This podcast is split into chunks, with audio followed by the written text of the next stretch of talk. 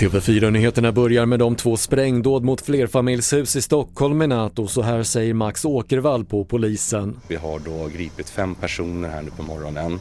Fyra stycken för den första sprängningen uppe i Grimsta och så har vi också en gripen för sprängningen i Bagarmossen. Så ni förstår, det är ett intensivt läge. Polisen utreder också kopplingar mellan nattens sprängning i Grimsta med dödsskjutningen i närliggande Vällingby i lördags.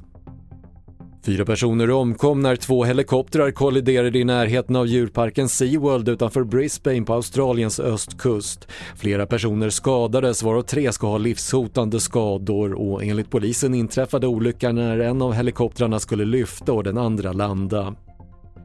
Och den amerikanske skådespelaren Jeremy Renner vårdas på sjukhus efter en olycka under snöröjning igår. Hans tillstånd beskrivs som allvarligt men stabilt. Det är oklart var olyckan inträffade men Renner har en ranch i ett område i Nevada som drabbades av svårt väder under nyårshelgen.